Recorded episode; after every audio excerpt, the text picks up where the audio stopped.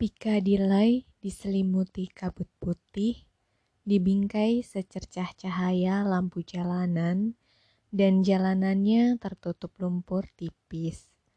Kami tidak bertemu pejalan kaki lain di jalanan yang sepi itu. Tetapi kami mendapatkan tatapan tajam dari patroli penjaga yang langsung menyentuh topinya begitu mengenali temanku. Kau lihat, aku dikenal oleh polisi. Ujar Raffles sambil tertawa saat kami melewati penjaga itu.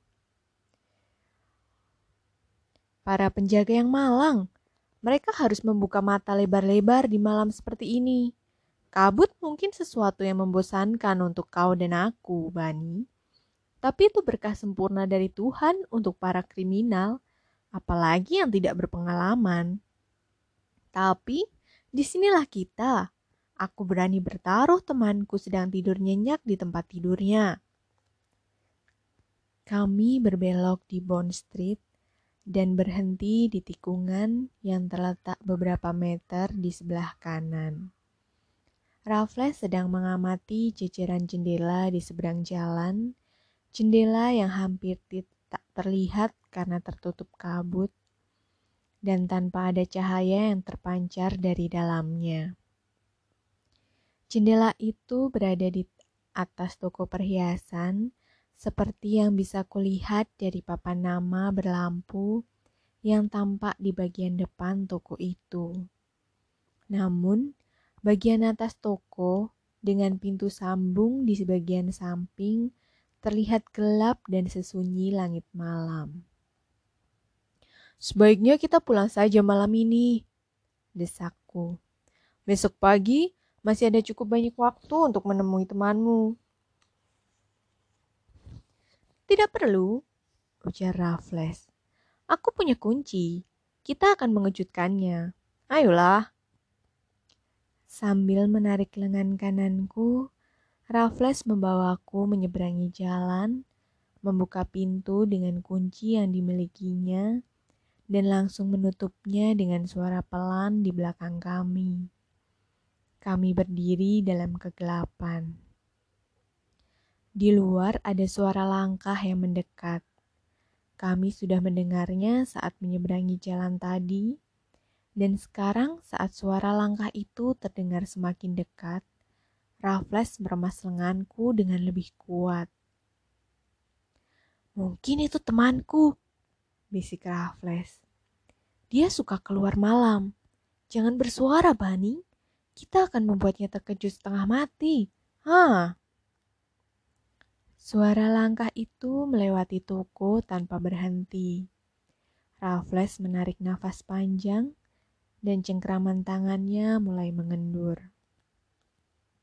Tapi tetap jangan bersuara. Lanjut Raffles dengan suara bisikan yang sama. Kita akan mengejutkannya di mana pun dia berada. Lepaskan sepatumu dan ikuti aku. Well, kau mungkin heran mengapa aku mau saja melakukannya.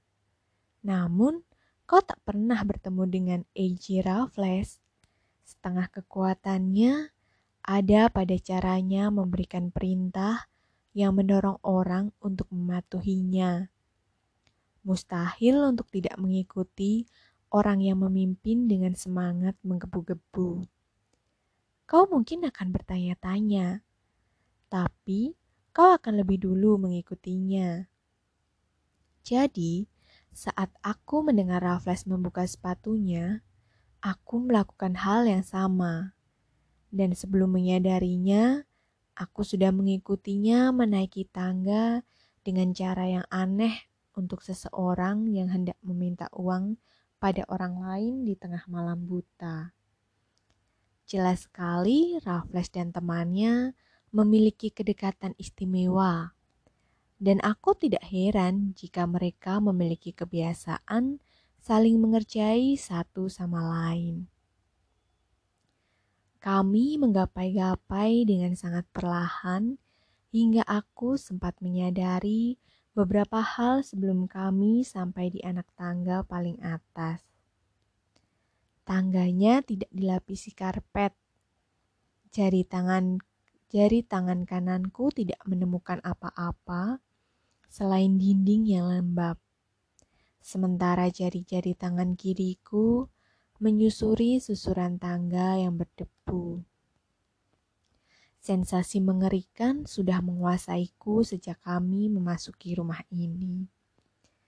Semakin meningkat dengan setiap anak tangga yang kami naiki.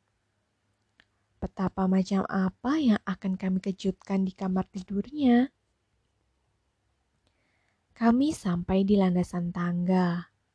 Susurannya membawa kami ke kiri dan ke kiri lagi. Empat anak tangga lagi, dan kami berada di lantai mendatar yang lebih panjang.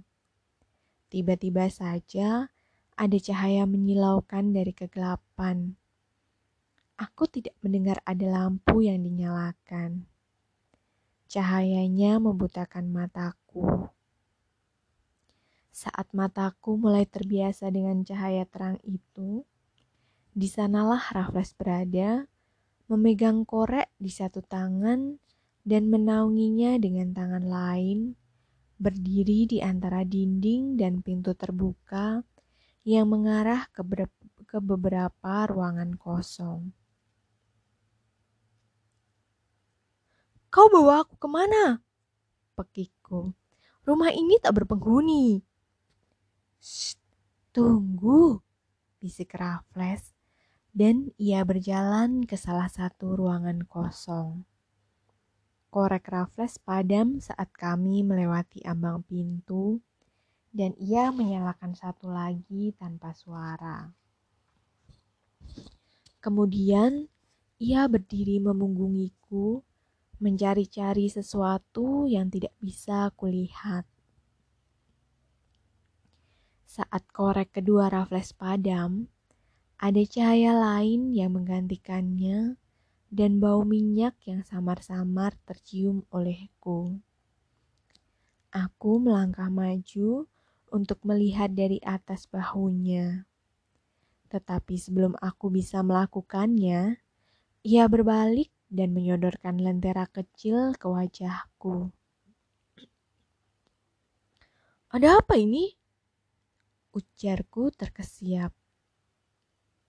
Trik busuk apa yang akan kau mainkan? Trik itu sudah dimainkan. Jawab Raffles sambil tertawa pelan. Padaku? Sayangnya begitu, Bani. Kalau begitu, tidak ada seorang pun di rumah ini. Tidak ada seorang pun, kecuali kita berdua. Jadi, Kau berbohong kepadaku tentang temanmu di Bond Street yang bisa meminjamkan uang kepada kita. Tidak sepenuhnya. Aku mengatakan yang sebenarnya bahwa Danby adalah temanku. Danby? Pemilik toko perhiasan di bawah. Apa maksudmu?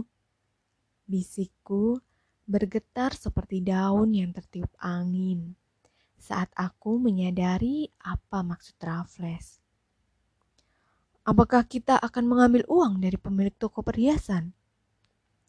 Ya, tidak juga. Lalu apa? Hampir sama dengan itu. Kita akan mengambil uang dari tokonya. Tidak perlu ada pertanyaan lain. Aku bisa memahami semuanya kecuali kebodohanku sendiri. Raffles sudah memberiku selusin petunjuk, tapi aku tidak menyadarinya. Dan di sinilah aku berdiri, menatapnya di ruangan yang kosong itu, dan di sanalah Raffles berdiri, dengan lentera di tangannya sambil menertawai aku. Pencurian! Seruku terkesiap. Kau, kau, Aku sudah bilang kepadamu, aku hidup dengan kecerdasanku. Mengapa sejak awal kau tidak mengatakan kepadaku apa yang akan kau lakukan? Mengapa kau tak bisa mempercayaiku? Mengapa kau harus berbohong? Tuntutku. Amarahku meledak karena dipicu oleh ketakutanku. Aku ingin mengatakannya kepadamu, ujar Raffles. Lebih dari sekali aku hampir mengatakannya kepadamu. Kau mungkin ingat aku pernah menyinggung tentang kejahatan. Tapi sepertinya kau sudah lupa dengan apa yang kau katakan sendiri. Saat itu, aku tidak yakin kau bersungguh-sungguh dengan apa yang kau katakan kepadaku. Tapi aku pikir aku bisa mengujimu. Sekarang, aku sudah membuktikan bahwa kau memang tidak bersungguh-sungguh dan aku tidak menyalahkanmu. Hanya aku yang patut disalahkan. Keluarlah dari sini, temanku yang baik. Secepat mungkin tinggalkan aku. Aku yakin kau tidak akan mengadukan aku. Oh, licik sekali. Raffles memang sangat licik. Jika Raffles mengelontarkan ancaman, bujukan atau ejekan, mungkin efeknya akan berbeda terhadapku. Namun, ia membebaskanku untuk pergi meninggalkannya dalam situasi yang berbahaya. Ia tidak akan menyalahkan aku. Ia bahkan tidak memaksaku untuk berjanji merahasiakan perbuatannya. Ia mempercayaiku. Raffles tahu kekurangan dan kelebihanku dan ia memainkan keduanya dengan sentuhan seorang penipu ulung. Tidak secepat itu, kataku. Apakah aku yang memberimu ide untuk melakukan ini? Atau kau akan tetap melakukannya dalam situasi apa pun?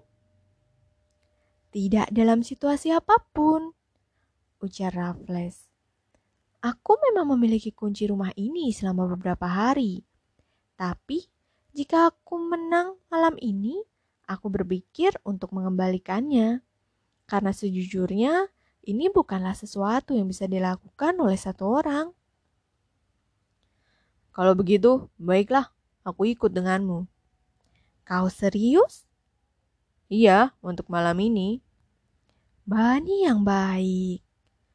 Gumam Raffles sambil mengangkat lentera ke dekat wajahku. Selanjutnya, Raffles menjelaskan rencananya dan aku mengangguk seolah kami sudah menjadi rekan pencuri sejak lama. Aku hafal isi toko ini, bisik Raffles, karena aku pernah membeli beberapa barang di sini. Aku juga tahu bagian atasnya yang sudah dibiarkan kosong selama sebulan. Aku sempat melihat-lihat dan mencoba kuncinya sebelum menggunakannya. Satu hal yang tidak kuketahui adalah bagaimana membuat kaitan di antara keduanya. Saat ini belum ada yang terpikir olehku. Kita bisa memikirkannya di sini, tapi aku lebih suka melakukannya di ruang bawah tanah. Jika kau mau menunggu sebentar, aku akan mengatakannya kepadamu. Raffles meletakkan lenteranya di lantai, merangkak ke jendela belakang, dan membukanya nyaris tanpa suara. Ia kembali sambil menggelengkan kepalanya. Setelah ia menutup lagi jendela itu dengan kehati-hatian yang sama. Itu satu-satunya kesempatan kita, ujar Raffles. Jendela belakang tapi terlalu gelap untuk bisa melihat apa pun, dan kita tidak bisa menyalakan lampu karena cahayanya akan terlihat sampai keluar. Ikutlah denganku ke ruang bawah tanah, dan ingat, meskipun tidak ada seorang pun di tempat ini, kau tidak boleh bersuara. Nah, nah, coba dengarkan itu. Itu adalah langkah kaki kami itu adalah langkah kaki yang kami dengar sebelumnya di luar. Raffles meredupkan cahaya lenteranya, dan sekali lagi kami berdiri tidak bergerak sampai suara langkah itu menghilang di kejauhan. Entah polisi, gumam Raffles, atau penjaga yang disewa oleh para pemilik toko di sekitar sini. Penjaga adalah orang yang harus kita awasi dia dibayar untuk melihat hal-hal semacam ini. Kami mengendap-endap menuruni tangga toko yang mengeluarkan bunyi berderak meskipun kami bertelanjang kaki dan melangkah dengan sangat hati-hati. Lalu kami menuruni tangga batu sempit dan di anak tangga terbawah Raffles menyalakan lagi lenteranya serta memakai kembali sepatunya. Ia memintaku untuk melakukan hal yang sama dengan suara yang lebih keras, meskipun tadi ia memperingatkan aku untuk tidak mengeluarkan suara keras.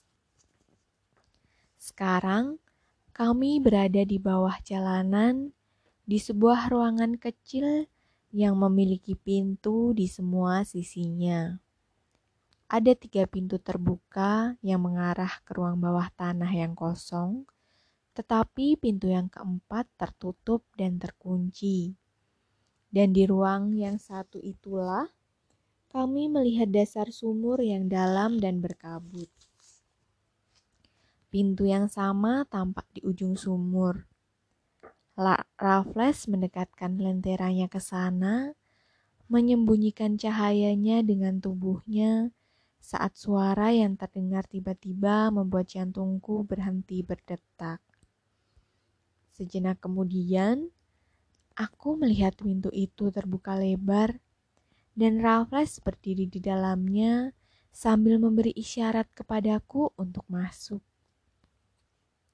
Pintu nomor satu, bisik Raffles. Tidak ada yang tahu berapa banyak pintu yang ada di sini. Tapi aku tahu sedikitnya masih ada dua pintu lagi.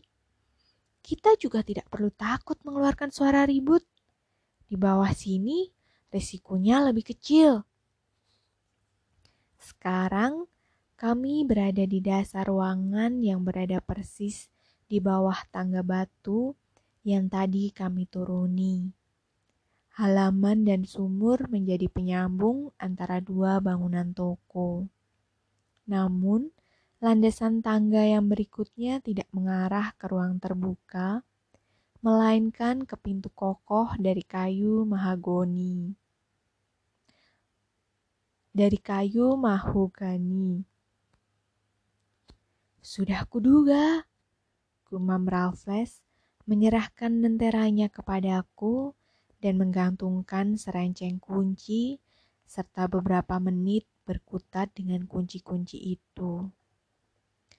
Butuh waktu sejam untuk membongkar pintu itu. Tidak bisakah kau membuka kuncinya? Tidak, aku tahu kunci jenis ini. Tidak ada gunanya mencoba.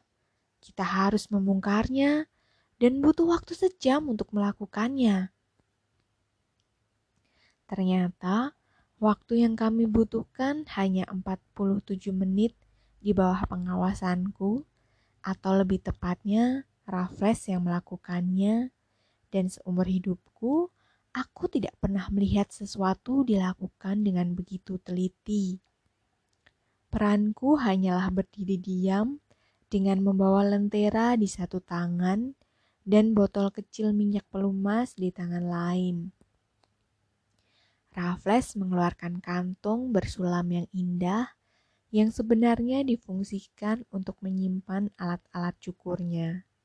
Tetapi kantung itu justru berisi peralatan rahasianya, termasuk minyak pelumas. Dari kantung itu, Raffles mengambil alat kecil yang mampu mengebor lubang dengan diameter satu setengah sentimeter dan memasukkan besi penopang yang walaupun kecil pas dengan lubang tersebut. Raffles membuka pakaian luarnya, mantel dan blazer, membentangkannya dengan rapi di atas anak tangga, berlutut di atasnya, menggulung lengan kemeja, dan mulai bekerja dengan alat penopang dan lubang yang sudah dibuat di pintu. Namun, Terlebih dulu ia memberikan minyak pelumas di alat-alatnya untuk mengurangi suara gesekannya. Dan pemberian minyak itu diulangi lagi setiap kali ia membuat lubang baru dan sering kali diberikan di tengah-tengah pembuatan lubang.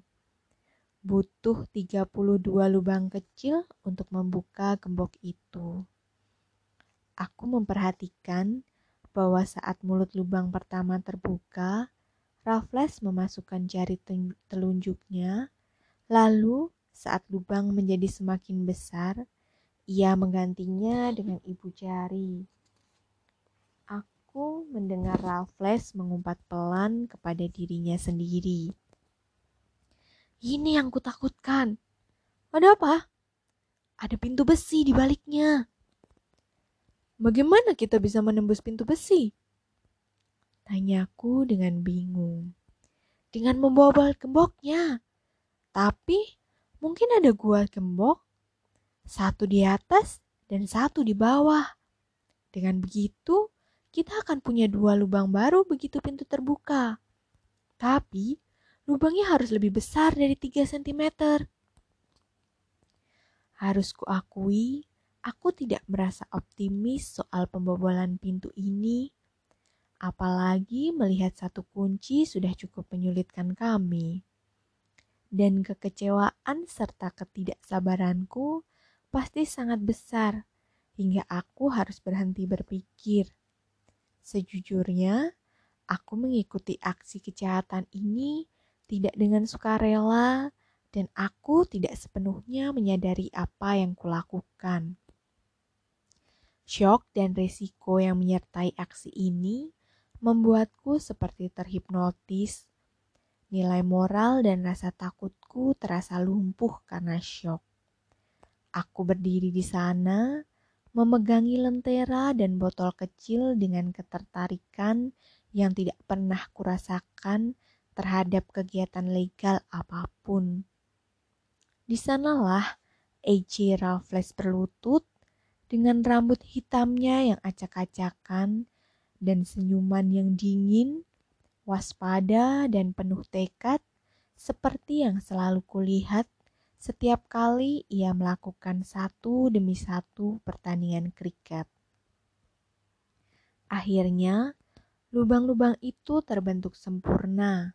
Gemboknya terbuka dengan mudah dan palang pintunya bisa diangkat untuk memperlihatkan pintu besi di belakangnya. Nah, bisik Raffles, jika hanya ada satu gembok, maka letaknya pasti di tengah. Lihat, benar kan? Itu dia. Biarkan aku membobolnya dan kita akan bisa menembusnya. Raffles menarik lengannya, memilih satu dari serangkaian kunci, lalu mencoba membuka gembok di pintu besi tersebut. Momen itu begitu menegangkan hingga tidak ada satupun dari kami yang berani bernafas. Aku mendengar jantungku berdebar-debar seirama dengan suara jarum jam yang berdetak di sakuku dan suara gemerincing kunci. Kemudian, akhirnya terdengar suara klik tanda gembok terbuka. Semenit kemudian, Pintu mahogani dan pintu besi sudah terbuka lebar di belakang kami, dan Raffles duduk di meja kantor, menyeka keringat wajahnya dengan cahaya lentera menyinari bagian samping wajahnya. Sekarang, kami berada di lobi yang luas di belakang toko, tapi dipisahkan dengan jeruji besi. Jaraknya cukup rapat hingga membuatku merasa putus asa. Namun, Raffles sama sekali tidak terlihat depresi. Ia hanya menggantung mantel dan topinya di paku sebelum mengamati jeruji besi itu dengan bantuan cahaya lentera. Ini bukan apa-apa, ujar Raffles setelah mengamati selama beberapa menit. Kita akan bisa melewatinya dengan mudah dan cepat. Tapi ada pintu lain di baliknya yang mungkin akan menjadi masalah buat kita. Pintu lagi, rangku. Dan bagaimana caramu untuk menembus jeruji itu? Kita akan membengkokkan jerujinya dengan alat pengungkil. Titik lemah jeruji ini adalah daya ungkit dari bawah. Tapi pasti akan menimbulkan suara berisik. Dan pada saat inilah aku membutuhkan bantuanmu, Bani. Ini adalah tahap yang tidak bisa kulewati tanpa dirimu. Aku ingin kau memberiku isyarat kapan jalanan kosong. Aku akan menunjukkan kepadamu di mana kau bisa mengawasi keadaan sekitar. Ya, kau mungkin bisa membayangkan betapa enggannya aku melakukannya. Tetapi ada sesuatu yang sangat menantang dalam tanggung jawab besar yang diberikan Raffles kepada aku. Sebelumnya, aku hanya sekedar penonton. Sekarang, aku ikut ambil bagian langsung dalam, dalam aksi ini. Dan antusiasme yang kurasakan karenanya mampu mengalahkan semua pertimbangan hati nurani dan ketakutan yang sejak tadi mengimpit dadaku. Jadi, tanpa protes, aku menempati posisiku di bagian depan ruangan yang berada persis di atas toko. Bagian depan toko sudah ditutup untuk menolak kedatangan pembeli, dan untung bagi kami, tirai jendelanya juga diturunkan. Itu adalah tugas yang paling sederhana di dunia. Berdiri di depan jendela untuk mengintip jalanan di luar toko mengentakkan kakiku dua kali jika ada orang yang mendekat, dan mengentakkan kaki sekali jika situasi sudah aman lagi. Suara-suara dari bawah bisa kudengar dengan jelas. Dentingan besi yang awalnya sangat pelan, tapi lama-kelamaan semakin keras. Semua suara itu akan langsung berhenti Begitu aku mengentakkan kakiku dua kali. Seorang polisi lewat lebih dari lima kali di depan mataku. Dan pria yang menurut dugaanku merupakan penjaga toko lewat lebih dari sekali selama aku mengawasi jendela. Pernah sekali jantungku berhenti berdetak sejenak. Itu terjadi saat penjaga toko berhenti dan mengintip ke dalam toko melalui lubang intip di pintu. Aku menunggu suara siulan. Aku menunggu suara teriakan peringatan.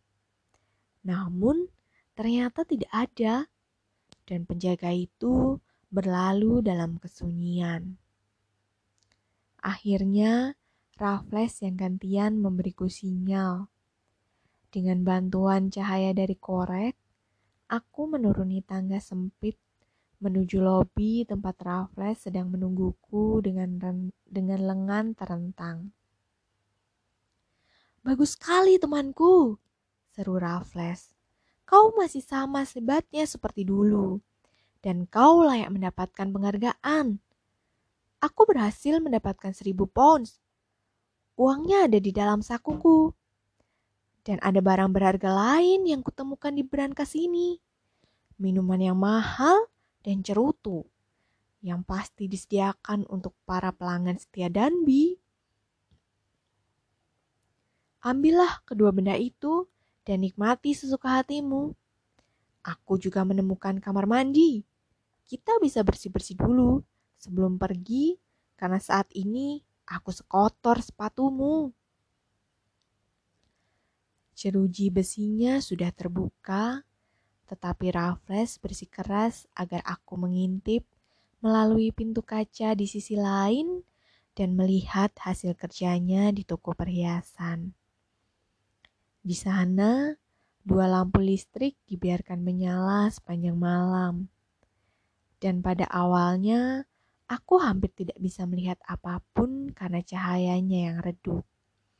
Kemudian, Aku melihat jajaran konter kaca di sebelah kiri, lemari kaca berisi perhiasan perak yang tak tersentuh ada di sebelah kananku.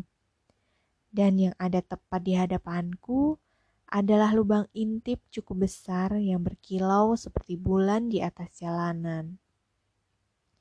Meja konternya tidak dikosongkan oleh Raffles. Isinya tersimpan di dalam brankas yang sama sekali tidak dilirik oleh Raffles. Kemudian, untuk memilih kotak cerucu, kecuali untuk memilih kotak cerutu untukku. Raffles sedang menyibukkan diri di lemari toko. Jumlah keseluruhan lemari ada tiga masing-masing dikunci dengan panel bergembok terpisah.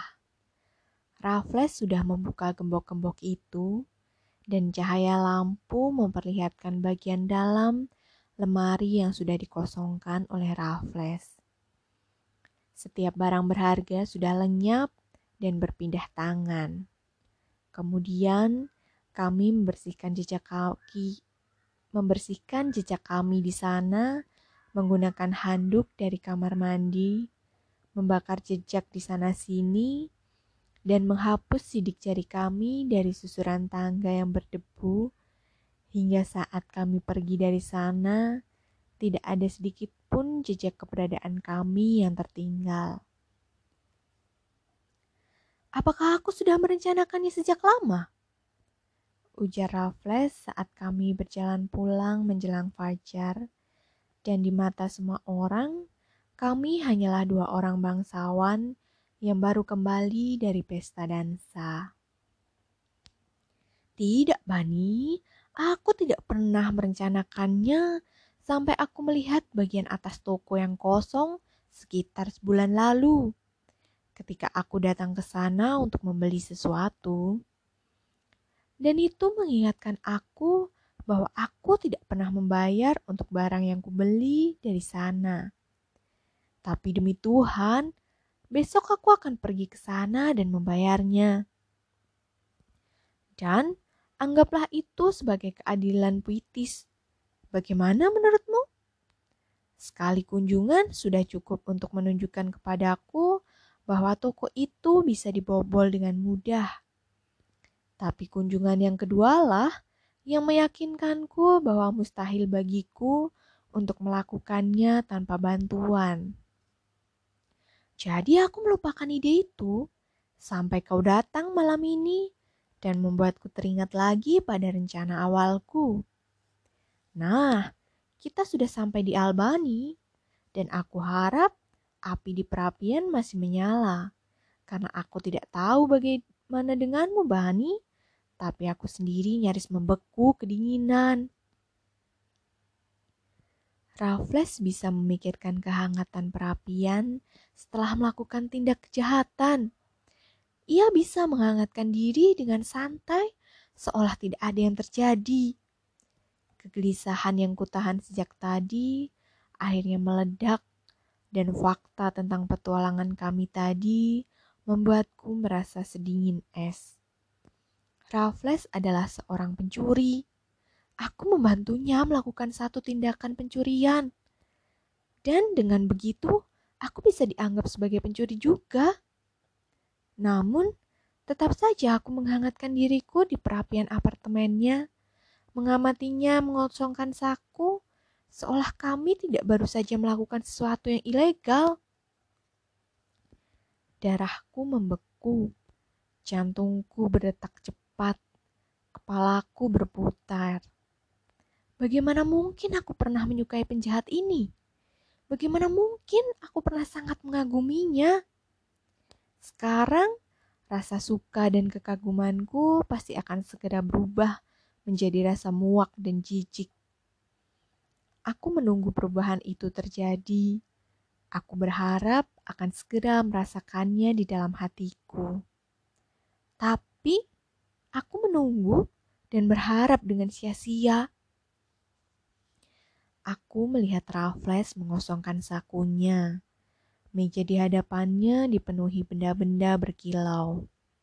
Lusinan cincin bertahtakan berlian, gelang, liontin, kalung, mutiara, rubi, ametis, safir, dan tentu saja berlian. Berlian tampak di mana-mana, berkilau, dan membuatku terpukau, membutakan aku, membuatku tidak akan pernah bisa melupakan kejadian malam ini. Barang terakhir yang dikeluarkan Raffles bukanlah perhiasan, melainkan pistolku. Dan melihat pistol itu membuatku tersentak. Sepertinya aku mengatakan sesuatu, tanganku terulur. Sekarang aku bisa melihat Raffles sedang yang sedang menatapku dengan alis dinaikkan di atas matanya yang jernih. Aku bisa melihat Raffles mengeluarkan peluru dari dalam pistol sambil tersenyum sinis sebelum mengembalikan pistol tersebut kepadaku. Kau mungkin tidak mempercayainya, Bani, kata Raffles. Tapi sebelumnya, aku tidak pernah membawa pistol berisi peluru. Aku rasa pistol itu memberiku kepercayaan diri lebih. Tapi, jika terjadi masalah, pistol bisa membantu membuat situasi menjadi semakin rumit. Aku tidak mau menggunakannya. Meskipun aku sering berpikir bahwa pembunuh pasti merasakan sensasi hebat saat menarik pelatuk pistol yang diacungkan ke orang lain. Jangan terlihat ketakutan seperti itu, temanku. Aku tidak pernah merasakan sensasi semacam itu. Dan aku rasa aku tidak akan pernah merasakannya. Tapi, apakah kau sudah sering melakukan ini sebelumnya? Tanyaku dengan suara serak. Sebelumnya? Oh, Bani temanku, kau membuatku tersinggung. Apakah aksiku tadi terlihat seperti percobaan pertama? Tentu saja aku sudah pernah melakukan ini sebelumnya. Sering? Well, tidak. Tidak cukup sering hingga menghilangkan daya tariknya. Bahkan, aku tidak pernah melakukannya kecuali dalam keadaan sangat terpaksa. Apakah kau pernah mendengar tentang pencurian berlian timber? Timbleby? Nah, itu pencurian terakhirku sebelum malam ini.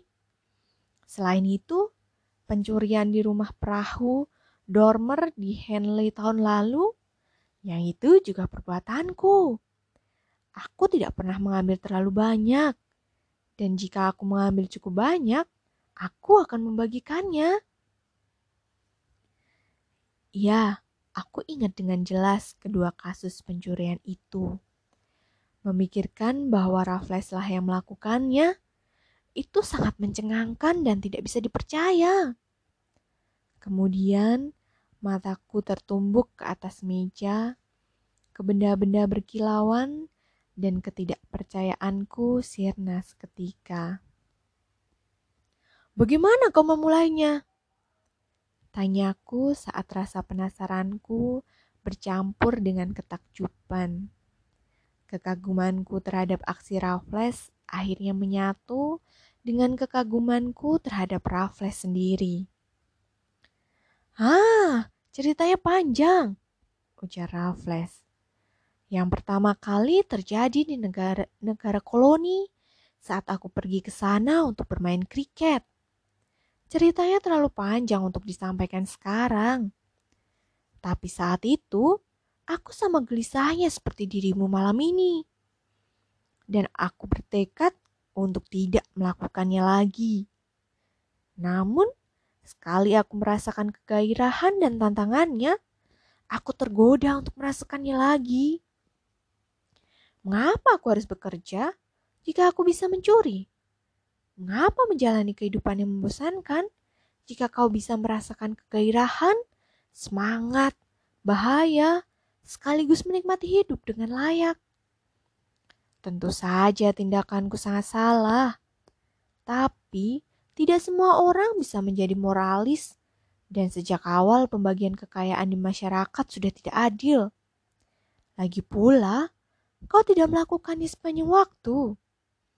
Sebenarnya, Aku sudah bosan mengutip perkataan Gilbert, tapi kata-kata itu memang benar adanya.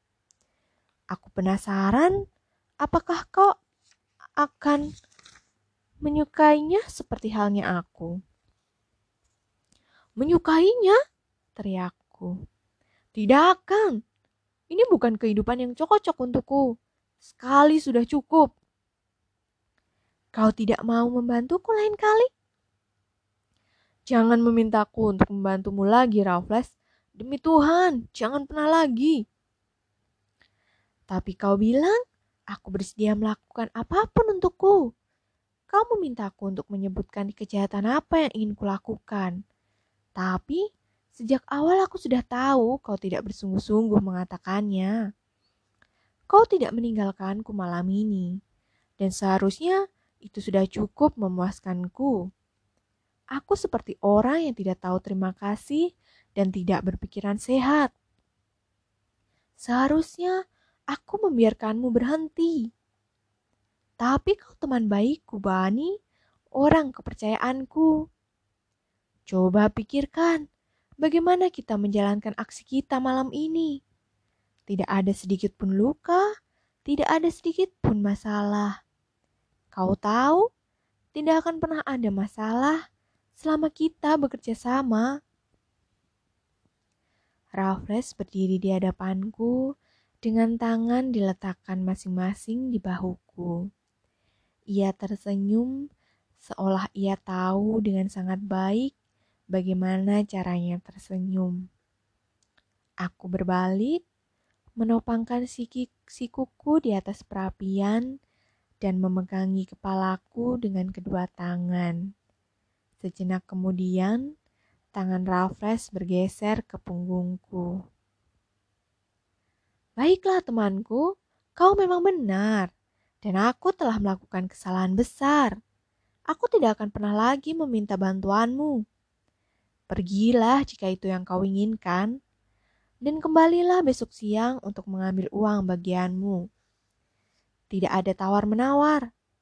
Tapi tetap saja, aku akan mengeluarkanmu dari masalah keuanganmu, apalagi setelah kau membantuku malam ini. Aku berbalik lagi dengan marah. Baiklah, aku akan melakukannya lagi. Tegasku melalui gigi yang dikemeratakan. Raffles menggelengkan kepalanya. Tidak perlu, ujar Raffles tersenyum geli melihat tingkah gilaku. Aku akan melakukannya, teriakku dengan marah. Aku akan membantumu sesering yang kau inginkan. Apa bedanya sekarang? Aku sudah terlanjur melakukannya sekali. Aku pasti bisa melakukannya lagi. Toh, aku sudah menjual jiwaku pada iblis. Aku tidak bisa berhenti. Aku tidak bisa kembali, dan aku juga tidak mau kembali sekalipun aku bisa. Tidak penting berapa kali aku harus melakukannya. Kapan pun kau membutuhkan aku, aku akan selalu ada untukmu. Dan begitulah awalnya aku dan Raffles bergabung dalam aksi kejahatan di pertengahan Maret.